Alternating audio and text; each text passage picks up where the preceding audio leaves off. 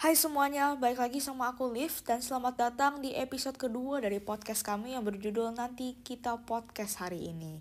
Dan di episode kali ini kita akan ngomongin banyak banget deh pokoknya tentang film NKCTHI atau Nanti Kita Cerita Tentang Hari Ini. Oke, kita nggak usah tunggu-tunggu, langsung saja kita mulai. Selamat menikmati.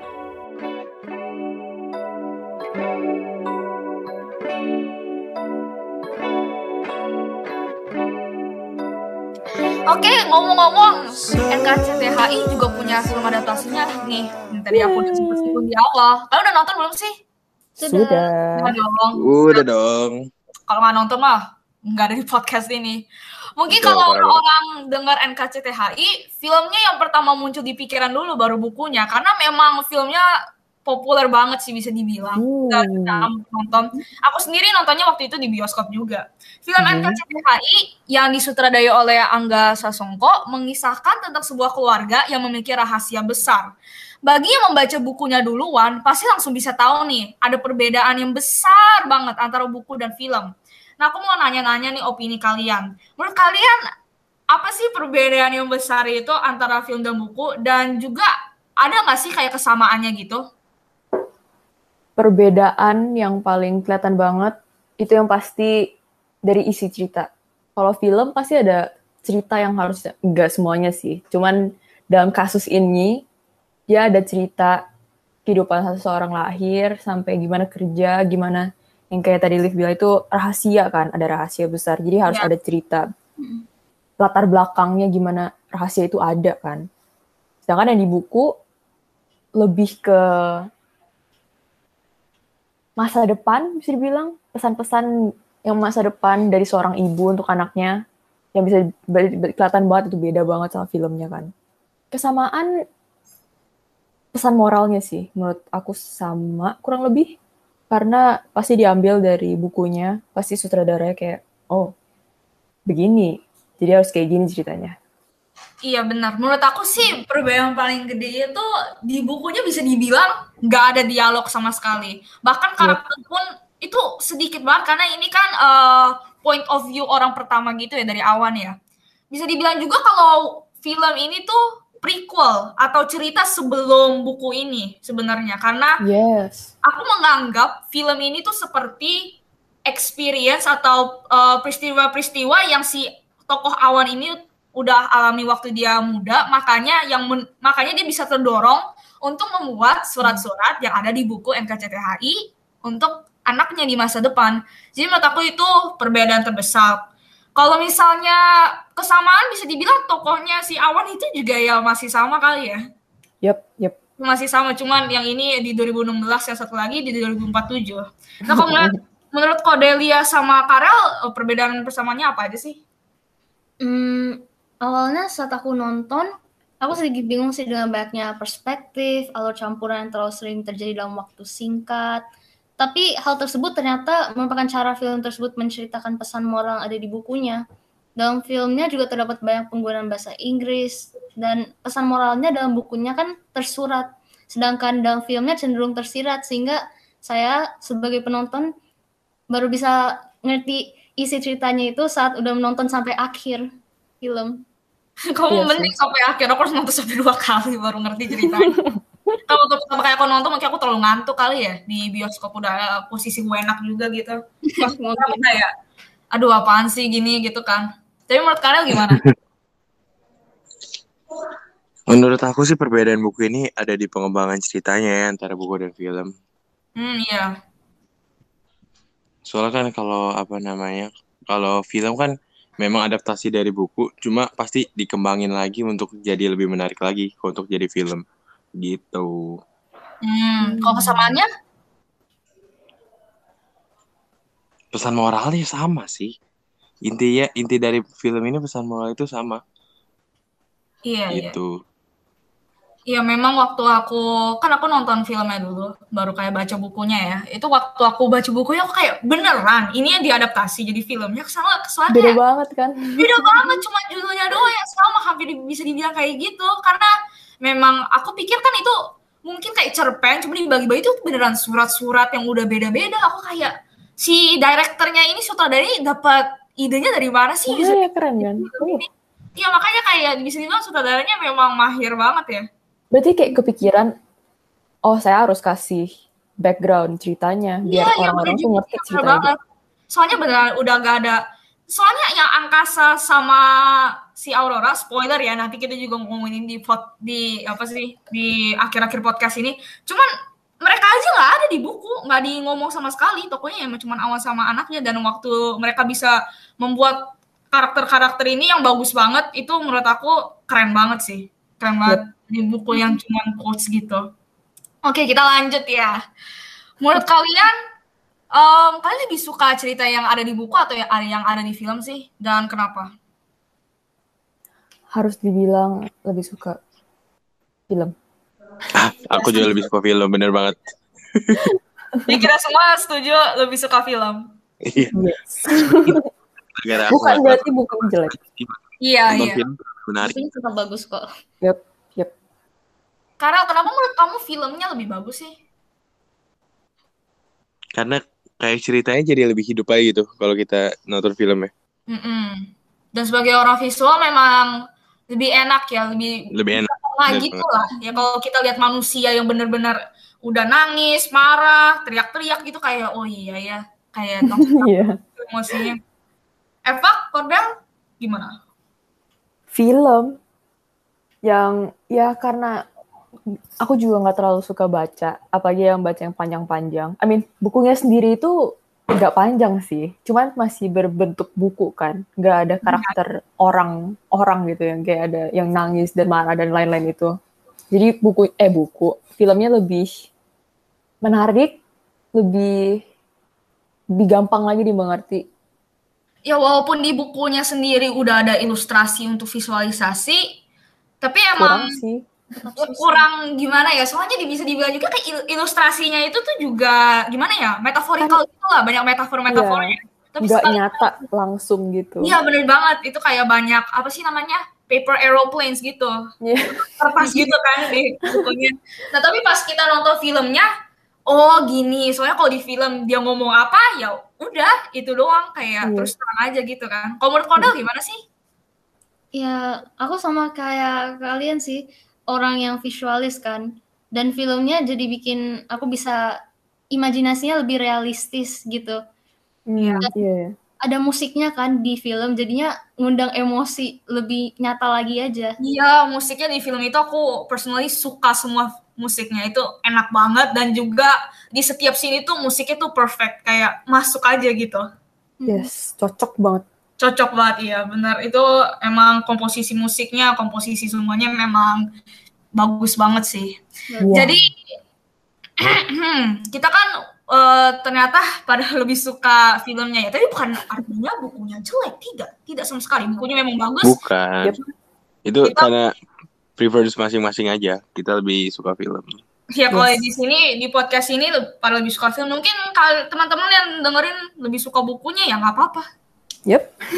Berarti em, karena kita lebih suka film pasti kita kayak lebih apa sih namanya lebih memperhatikan lah apa yang ada di layar gitu kan. Yep. Nah dan di layar itu kita diintroduce sama banyak banget karakter-karakter baru yang tadi aku udah bilang sama sekali gak disebut sebut aja enggak di buku itu. Nah, pendapat kalian sama karakter karakter di NKCTHI itu gimana sih? Dan apakah kalian bisa memahami mereka? Kayak ada nggak sih karakter yang kalian kayak relate banget kayak wow, wow ternyata ada karakter yang sama kayak aku ya gitu. Em, karena ini ceritanya nyata banget, seperti yang tadi kita bilang, kita bahas tadi tentang keluarga, kerjaan, sosial, sosial secara di di luar atau di dalam keluarga. Karena aku anak pertama, bisa relate banget sama kokonya, abangnya, angkasa. Wow, itu bener-bener kelihatan banget tanggung jawab seorang kakak tuh kayak gitu. Ya mungkin di filmnya itu kak- kakak yang sangat juga kayak sempurna dan dimimpikan semua adik-adik gitu gak sih? Mm-mm, iya, Dan iya, iya. aku sendiri kayak mau jauh banget dari itu. Cuman jadi terasa terbebani. Oh ternyata ekspektasi orang-orang tuh kayak gitu. Lihat seorang kakak gitu kayak gitu ternyata. Ya gitu. Ngomong-ngomong kalian punya semuanya punya adik atau kakak nggak? Enggak, aku anak tunggal. Hmm, kamu anak tunggal. Hmm. Eva, Aku aku punya kakak. Karel berarti anak ke? Anak kedua. Hmm. Eva, Pertama. sama aku juga pertama punya. Jadi emang kalau si Eva relate sama angkasa mungkin juga, mungkin juga kayak waktu angkasa disalahin sama semuanya kayak Iya. anak kalau adiknya mau di negara mana pun lah kalau misalnya mereka salah ya udah Adik selalu benar. Yup, ya orang tua pasti marahnya ke siapa paling pertama ya udah pertama. kakak. Berarti Karel selalu bener nih. Enggak kalau. Karel sama Cornel gimana Ya, aku sebenarnya sama seperti uh, Eva sih, lebih relate ke angkasa walaupun aku anak tunggal. Karena aku soalnya kan lihat langsung beberapa peristiwa gitu kan. Tetapi aku juga nggak tahu apa-apa sama angkasa. Dan karena jadi anak yang misalnya tertung tertua, kami jadi kayak orang-orang yang penuh kewajiban dalam keluarga iya sebagai perspektif anak saja misalnya itu aku bakal rasa kayak sakit hati banget jika misalnya selama ini terdapat rahasia di antara keluarga orang yang Hmm, iya. percayain kalau Karel Apa ya? Oke. Eh, peran angkasa di film ini kayak itu banget deh. Apa namanya? Hmm, ngena banget sama kehidupan aku gitu. Kalau ngebandingin kayak kakak koko sendiri sama si angkasa, waduh, kayak nggak mungkin gitu. Terlalu perfect. iya si angkasa emang perfect banget ya Bener banget kayak kayak Kamu- wah ini sih. Iya. Oh, buat Karel sendiri kayak kamu bisa relate paling relate sama siapa? Kan ada angkasa, aurora, dan awan. relate ke siapa ya? Aku sebenarnya bukan, bukan relate sih, malah, ma- malah jadi ngebandingin loh. Ngebandingin kakak sendiri sama si Waduh, ini kayak dream banget kalau sampai punya kakak kayak gini sih. Iya, aku juga merasa tertampar juga sih lihat angkasa soalnya dia saking bagusnya kayak gitu aku merasa gila gue jadi kakak emang nggak pernah apa-apa ya buat adik aku ya gitu. Karakternya bikin hidup banget ya. iya iya. Ceritanya tuh jadi hidup banget. Tapi aku bisa dibilang lebih relate sama si Aurora sih si anak tengah itu. Em, walaupun aku bukan anak tengah tapi kayak aku merasa personality aku sama dia mungkin waktu ada berantem atau ada konflik itu mendingan menjauh gitu lah kan. Soalnya dia waktu ada konflik dia langsung kayak pergi ke studionya sendiri gitu kan. Iya. Oke, sekarang menurut kalian tuh ini filmnya berdampak gak sih bagi kalian? Dan apakah dampaknya itu berbeda sama yang ada di buku? Positif atau negatif kalau film ini? Dampak positif juga pasti dong. Karena kan yang Pasti. diambil kan juga berdasarkan bukunya juga kan. Benar. Jadi eh bedanya sih cuman lebih kena mungkin ya. Karena ada visualnya, ada orang, ada seorang karakter yang membawakan sifat-sifat yang berbeda-beda. Hmm. Mm-mm. Jadi lebih "Hii," gitu. Nggak ada dampak negatifnya gitu ya, Kak? Negatif ya. Nggak ada, nggak ada. apa Nggak ya? Oh ada, ada, ada. Sebenarnya karena lihat dari Oh, Dampak kan kita jadi berekspektasi loh. Berekspektasi yang mem- yang kemungkinan itu sangat kecil kayak menginginkan seorang kakak yang seperti angkasa, Benar, benar. punya benar, adik Pak. yang cheerful, punya bapak yang protektif banget gitu. Eh, gak bagus juga sih itu. Maksudnya kayak Tapi Peduli, anaknya peduli. peduli lah ya sama Iya, anak. Peduli. ya peduli. Terus ya ada karakter masing-masing gitu. Dampaknya ya kita jadi berekspektasi terlalu tinggi, ya mungkin kita di kehidupan nyata bisa disappointed, mungkin ya itu mungkin dampak negatif. Tapi itu enggak besar sih. Benar. Kalau Karel? Nah, tapi tapi itu yang Eva bilang yang dampak negatif itu itu juga bisa jadi dampak positif bagi kita. Kita eh, pokoknya kita berpikir, nah ini orang tahu perfect, tapi kita hidup di dunia ini ya nggak mungkin ada yang perfect sih. Kita harus terima keadaan apa Mm-mm. adanya diri kita itu. Yang penting kan kita sudah melakukan yang terbaik ya. eh selanjutnya tinggal Tuhan yang lakukan. Gitu sih. Hmm, ya. Ya menurut aku juga dampak ini memang positif sih. Walaupun mungkin kamu nggak suka sama filmnya atau kamu suka banget, nyampe ngefans, nyampe pasang posternya, nggak tahu. Ini pasti dampaknya positif. Karena memang film ini kan tentang keluarga gitu ya. Jadi mungkin untuk orang-orang yang lihat bisa matanya lebih terbuka gitu tentang keluarga mereka masing-masing. Mungkin kayak kamu nggak begitu peduli sama kakak kamu atau sama adik kamu atau mungkin sama diri kamu sendiri gitu. Tapi setelah kamu nonton film ini, lihat karakter-karakter bagaimana mereka konflik dan ternyata semua orang punya kehidupannya mereka masing-masing, ya mungkin kamu bisa kayak wow. Jadi selama ini aku cuma peduliin diri aku sendiri ya. Kalau dampak negatif menurut aku nggak ada sih, bisa dibilang ada. Di filmnya mm, ada kekurangan, cuman kalau dampak buat penonton menurut aku nggak ada sih negatif. Kalau Cordelia gimana opininya? Ya, kan film kan memberikan kesan realistis, jadi aku juga merasa seperti salah satu tokoh pemeran di situ. Dan ini sebenarnya sepertinya kelebihan sih. Tapi setelah kan baca buku duluan dan buku itu kelihatan banget eh, pesan moralnya yang mau disampaikan apa. Sedangkan pas di film, seperti yang aku katakan sebelumnya, harus nonton sampai akhir dulu kan, atau berkali-kali seperti lift baru bisa ngerti. Ta- Makanya aku jadi ingin nonton terus sampai akhir agar rasa penasaranku hilang. Jadi ini hal positif sih. Hmm. Iya, kita bisa belajar sih dari film ini ya. Jadi bisa disetujui kalau film ini memang Inspirasi. ya bisa menjadi inspirasi, motivasi. Sekarang kita ke bagian yang interesting nih. Kita mau mengkritik film ini. Jadi apa kekurangan dan kelebihan dari film ini menurut kalian? Coba kita mulai dari Cordel dulu deh. Kalau aku perubahan alur yang terlalu cepat sama banyaknya alur yang kurang relevan sih. Kan sepertinya harus dijadikan mini series agar bisa ditunjukkan potensi lebih banyak dari setiap karakternya. Dan kalau kelebihannya banyaknya moral kehidupan yang kita sadari pun ataupun tidak bisa jadi pembangun bagi karakter kita. Waktu kamu bilang kayak ada alur yang nggak begitu relevan, maksudnya kamu apa ya?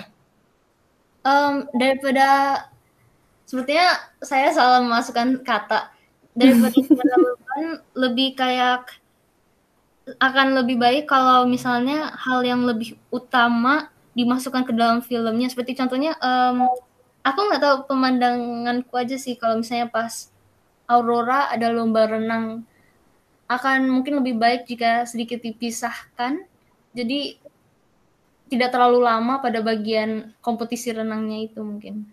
Kalau aku, kalau misalnya ngomongin tentang yang Korda bilang yang renang itu, menurut aku itu awal-awalnya agak membingungkan, tapi itu bikin jadi orang tuh harus nonton sampai selesai kan. Jadi itu sebuah kelebihan, jadi orang nggak bosan tengah jalan, terus terus penasaran sampai akhir. Jadi orang nggak nggak oh ya udahlah tahu lah endingnya kira-kira begini. Tapi ternyata endingnya berbeda. Kayak misalnya yang tadi berenang itu, kayak itu menurut aku sih itu em, peristiwa scene yang sangat penting dari bagian filmnya. Kalau nggak ada, kayaknya nggak nggak bisa menunjukkan betapa setiap orang, setiap member dari keluarga itu penting. Seorang kepala keluarga itu pasti punya rasa tanggung jawab dan kepedulian yang besar banget buat keluarganya. Itu salah satunya ya selalu peduli, selalu tahu itu kapan ya apa ya antisipasi bisa dibilang. Jadi itu kelebihannya kelihatan banget setiap karakter secara nyata maupun ditulis begitu. Kekurangannya adalah em, berpindah-pindah perspektif mungkin kekurangannya. Jadi Oh, iya. kadang-kadang gimana? Terlalu cepet ya pindah-pindah perspektifnya gitu. Ya, kadang bingung ini tuh lagi lihat dari mana. Kenapa tiba orangnya, oh kok beda? Ini siapa? gitu. Ada karakter yang berubah banget mukanya jadi agak membingungkan ini siapa. Iya, iya. Awalnya aku kira eh, istrinya kayak selingkuh gitu, terus ternyata itu orang yang sama. Iya, itu beda banget soalnya ya mamanya ya.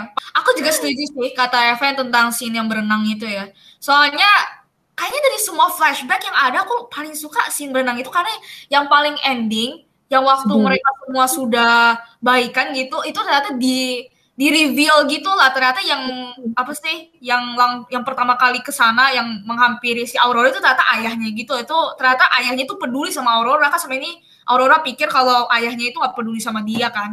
Menurut aku sih eh, kelebihan dari filmnya ini apa namanya setiap karakter itu ekspresinya tersampaikan banget kayak kita ngerti banget apa yang dia rasain gitu Ya actingnya memang bagus banget sih. Yes, uh gila. gitu sih menurutku Merinding. Kekurangannya nggak tahu kekurangannya apa ya kayaknya nggak bisa kayaknya nggak bisa ada kekurangannya dah Oke, jadi si Karo mungkin Oke. suka banget sama filmnya. Kayak- kayak- kayaknya itu eh, kadang-kadang emang pusing juga ya tadi Eva bilang kayak terlalu cepat pindah perspektif karena alurnya kan yang dipakai juga kayak maju alur maju terus mundur lagi kan jadi kalau kita nggak fokus banget pusing sih kalau nonton filmnya Hmm. Iya, tapi aku mau ngomong banyak sih di bagian ini. Boleh lah ya. Soalnya aku waktu nonton film kedua kali kayak dua atau tiga hari yang lalu aku benar-benar kayak nyatet gitu apa yang aku suka. Pertama sinematografinya itu aku suka banget. Em seakan-akan musiknya juga kayak se seiring sama ekspresi karakter-karakternya gitu lah. Ikut cerita. Iya, abis itu aku juga suka em, set desainnya. Jadi setiap karakter itu kalau kamu lihat punya kamar gitu, kamu bisa lihat kayak dekorasi-dekorasi yang bener-bener fit banget lah sama personality karakter itu. Abis itu, em, menurut aku ceritanya memang bagus juga. Em, abis itu aku juga setuju banget sama Cordelia. Harusnya ini itu ada mini series, bukan film lepas tayang ini. Aku setuju banget ini karena memang pertama karakternya banyak, kedua actingnya memang bagus-bagus banget. Ketiga semua karakter tuh punya background story masing-masing. Kan kita udah lihat cuplikan-cuplikannya ya. Dari anak pertama sampai anak ketiga itu kayak backstory-nya mereka gimana gitu kan. Ya si Kali juga harusnya ada episode sendiri sih. Itu doang. Tapi Itu kayak kalau banget pokoknya. ngomongin Kale, pas aku nonton kayak aku agak bingung deh. Kayak dia tuh sebenarnya a- protagonis atau antagonis. Kayak aku agak gimana ya? Atau mungkin aku sendiri yang bingung. Oh iya, yang antagonis protagonis itu. Aku juga mau bilang kalau semua dari semua orang di uh, keluarga si NKCTHI ini memang punya positif dan negatifnya sendiri ya. Kayak per- Iya. mereka gitu. Punya kekurangan dan kelebihan dan itu benar-benar dikasih lihat dan kita juga dikasih tahu kenapa sih karakter ini setuju semuanya setuju. Setuju. Oke, sekarang kita ke bagian yang tidak kalah menarik juga. Tadi kan kita udah bilang di pesan moral di buku ini tuh banyak di buku NKCTHI ini tuh banyak banget ya. Tergantung sama pribadi masing-masing gitu, kamu mau ambilnya yang mana. Nah, kalau film ini gimana? Menurut kalian pesan moralnya itu apa sih dan apakah berbeda dengan pesan moral yang ada di bukunya? Kalau aku ambil lebih general. Eh, lebih general, tapi lebih tersampaikan, bisa dibilang. General tuh maksud aku kayak, karena film, jadi kayak pendek kan. Gak terlalu banyak yang bisa langsung disampaikan, tapi setiap poin-poin yang mau disampaikan rasanya sampai. Seperti ada saat-saatnya gimana kita harus lepas, harus lihat apa ya? Harus berpikir di luar harus pikir di luar, nggak cuman di itu-itu aja, keluar dari zona nyaman. Kita harus mau buka pintu-pintu baru. Itu filmnya ya tadi. Yep. Nah, kalau berbeda nggak sih sama bukunya? Apa ya, kayak cuma rasanya doang sih yang beda, tapi isinya kan tetap gimana kamu harus hadapin gimana setiap peran itu penting dalam keluarga, gimana kita ngadepin dunia itu, cara kita ngadepin dunia kayak gimana, setiap sesuatu melakukan sesuatu pasti ada konsekuensi. Hmm.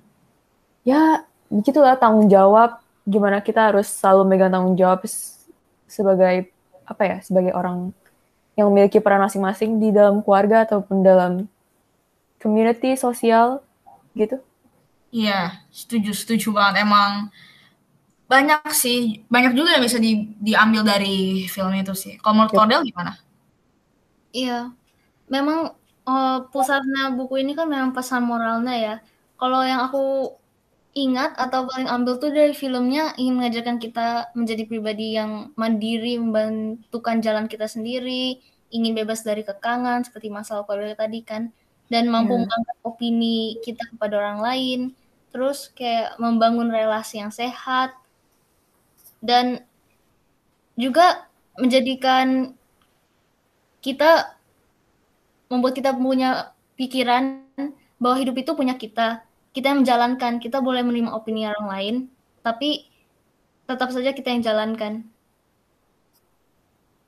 Menurut, menurut kamu kayak berbeda banget gak sih sama bukunya? Atau kayak intinya sama lah gitu? Hmm, beberapa pesan moralnya menurutku sama, tapi memang balik lagi sepertinya kalau ingin menjelaskan segala kutipan yang ada di buku memang harus ada tambahan mini series. Jadi memang sebagian besar inti amanatnya saja yang dimasukkan ke dalam filmnya. Hmm, iya. Kalau menurut Karel bagaimana? Menurut aku sih pesan moralnya intinya itu sama sih yang ingin disampaikan buku sama filmnya. Kayak apa namanya? eh, memang hidup ini itu baik tekanan, pasti tekanan internal dan dari orang lain juga banyak banget. Tapi ya itu eh, tergantung kita bagaimana kita menanggapinya. Harus tetap tenang, harus tetap berpikir ini yang Cordelia bilang tadi, ini hidup kita. Boleh orang eh, orang bilang boleh kita tampung, tapi kita tampung yang positif ya, dan yang negatifnya bisa kita buang. Gitu sih. Hmm, iya. Banyak ya. Jadi kita semua kayak ngomonginnya ya bisa beda-beda juga. Tapi menurut aku sendiri tuh banyak banyak sih yang bisa diambil dari film ini. Karena aku memang lebih memperhatikannya filmnya gitu ya. Karena filmnya lebih fokus dalam keluarga dan itu inti ceritanya keluarga gitu loh. Jadi kayak kita kan semuanya punya keluarga ya. Dan sering kali kita lupa lah kayak udahlah adik gua terserah mau ngapain kakak gua terserah ngapain. Film ini tuh film ini tuh mengajarkan kita ini pesan mulai aku dapat sih untuk lebih peduli lah sama lingkungan sekitar kita kayak maksudnya dunia ini tuh nggak berputar untuk kita dan untuk kita sendiri. Ada 7 miliar orang di planet ini. Maksudnya kalau kau punya perasaan, ya pasti orang lain juga punya perasaan. Itu sih menurut aku. Cuman Kayak sama, kayak kita harus lebih membuka diri sih. Tertutup, terlalu tertutup tuh kayak menimbulkan kesalahpahaman. Nyambung gak sih? ya bisa. Bisa dibilang ya kesalahpahaman. Karena kan Iya. nggak semua orang di dunia ini bisa, malah nggak ada orang di dunia ini bisa baca pikiran kamu. Yang tahu pikiran Iya, kamu ya cuma kamu sama Tuhan doang kan. Iya, terus udah kayak gitu, udah salah paham, terus dia salahin, aduh nggak tau lah, kayak itu bikin, itu salah satu yang bikin kesel sih, udah, udah emang niatnya bagus, cuman diem-diem aja, terus orang salah paham, terus dia yang kesel sendiri kan, Eh, gitu kan, ah, Iya bisa disambungin juga sih kita harus ya kata Eva bilang kita terbuka cuman kayak kita harus mikir juga kayak karena bukan kita doang yang punya perasaan kayak kenapa sih orang lain Iya. itu bisa actingnya kayak gini kenapa sih dia kayak gini orangnya ya kita juga harus sabar sama orang lain gitu lah ya kayak bukan Cuma kita harus bikin orang tuh juga ngerti, karena yang punya Iya, perasaan iya. juga, ya kan, Iya. bukan cuman kita doang yang punya perasaan. Hmm. Yep. Ya kalau sekarang kalau kepikir-pikir mungkin bukunya itu untuk kamu sendiri lebih maju kali ya pesan moral. Tapi kalau yang buat ini itu kamu harus em, kamu harus berperilaku bagaimana sih sama orang-orang di sekitar kamu biar kamu dampaknya bisa menjadi berkat gitu. Kalau menurut aku ya kalau bisa bilang kayak gitu juga. Oke, dan pertanyaan terakhir di podcast ini. Apakah buku dan film ini akan kalian rekomendasi kepada orang lain dan mengapa? Karena kita udah ngomong panjang lebar tentang buku dan film ini. Konklusinya gimana nih? Kalian bakal rekomendasi ini nggak sih ke orang lain? Abis kalian baca dan nonton? Pasti 100%. Karena pertama sangat related dengan kehidupan nyata itu udah poin Iya. satu banget. Em, rekomendasinya sih nonton bareng-bareng keluarga karena ini film keluarga banget. Biar semuanya kesampaian. Oh ternyata tuh gak cuman saya doang yang berpikir kayak gini. Ternyata dia juga sebagai anak juga punya pemikiran yang oh ternyata sudah dewasa gitu loh nggak selamanya orang-orang tuh sama terus pasti ada perubahan gitu Kalau Eva lebih rekomen mana nih, buku atau film? Em, saya pemain dua-duanya pastinya cuman menurut aku kayak mending nonton dulu baru baca walaupun bukunya keluar duluan dari filmnya cuman menurut aku nonton dulu baru baca aku sih lebih ngerti kayak gitu ya karena aku juga nonton duluan baru baca bukunya. Oh jadi bisa kayak kebayang gitu loh. Oh si Awan tuh kayak gini. Makanya dia nulis kayak gini di bukunya buat ke depannya kayak gini. Apa yang diharapkan dia tulis di bukunya. Dia harap anak-anaknya tuh bisa tahu apa yang harus dia lakukan di masa depan, apa yang harus mereka apa yang mereka bakal hadapin, gimana cara hadapinnya. Apa ya? Udah ada eks, apa ya, udah ada tanda-tanda apa sih namanya? Caution. Iya. ya begitu. Ya, jadi aku juga 100% bakal rekomendasiin sih ke orang lain. Menurut aku juga kayak Eva, mendingan nonton dulu daripada baca. Kayaknya yang nonton itu wajib banget sih. Iya. Kamu harus nonton dan kalau mau nonton eh, lebih mending sama keluarga daripada sama teman-teman karena emang film keluarga pesan moralnya juga untuk keluarga dan kita juga bisa lihat kalau setiap anggota keluarga tuh pasti punya perannya masing-masing. Kamu udah lakuin belum sih peran kamu sebagai seorang anak, sebagai seorang ibu, seorang ayah gitu. Jadi bisa lebih terbuka aja. Kalau bukunya aku rekomen nggak? Rekomen juga. Cuman kalau kamu cuman mau milih salah satu nih, mau nonton atau mau baca nih, Liv, aku cuma punya waktu buat satu hal doang. Aku bilang nonton aja. Mendingan jauh lebih mending kamu nonton. Tapi kalau kamu bisa baca bukunya juga. Kalau menurut kalian gimana?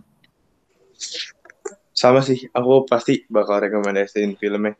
Dan aku juga sama kayak Eva tadi, pasti nih kita kayak harusnya nonton filmnya dulu, kayak bisa kayak kita bisa lebih tahu karakternya itu, oh ini itu kayak gini, ini itu oh sifatnya ternyata kayak gini. Soalnya kan kalau kita baca buku duluan, kalau kita baca buku kan kita eh, misalnya eh, kalau ada kejadian-kejadian tertentu, itu kita gunain itu imajinasi kita sendiri kan. Kita kan Iya. nggak tahu sebenarnya itu kayak apa gitu. Iya, lebih kalau buku kita kayak lebih berimajinasi. Tapi kalau kita udah pernah nonton filmnya, oh jadi kita lebih ngerti gitu. Gitu deh. Ya setuju banget sama yang Karel bilang. Seperti, seperti yang kayak bilang yang nonton bareng keluarga. Jadi kalau misalnya kita nonton sama keluarga kan jadinya misalnya sebagai ayah atau sebagai anak, oh kan hubungan kita lagi kayak gini nih. Kalau misalnya nyampe rumah, mungkin nanti aku coba kayak cara ini ya supaya bisa lebih baik hubungan kita gitu, makin erat gitu hubungan keluarganya. Soalnya kan beberapa keluarga sedikit renggang karena suatu hal tertentu. Hmm. Yes, Kalau membangun. Rekomen nggak? Recommended, recommended. Tapi kamu lebih mending orang apa sih nonton filmnya dulu dahulu gitu ya? Em, sepertinya sih filmnya dulu ya. Soalnya kan kayaknya banyak juga sih orang-orang yang nonton bioskop. Oh, udah. Oke. Oke. Menarik sekali ya teman-teman opini kita hari ini. Wow. Tadi diskusinya itu juga seru banget. Pokoknya kita udah ngomong panjang dan lebar sekali. Dan tidak terasa waktunya sudah habis. Dan juga pertanyaan-pertanyaannya sudah terjawab semua ya tadi. Kita udah di ujung podcast nih semuanya. Oke, kita mau pamit dulu nih ya teman-teman. Aku Liv. Aku Cordell. Aku Eva. Aku Karel. Terima kasih sudah mendengarkan podcast ini. Sampai jumpa di lain waktu ya. Bye semuanya. Bye bye. Bye. Bye.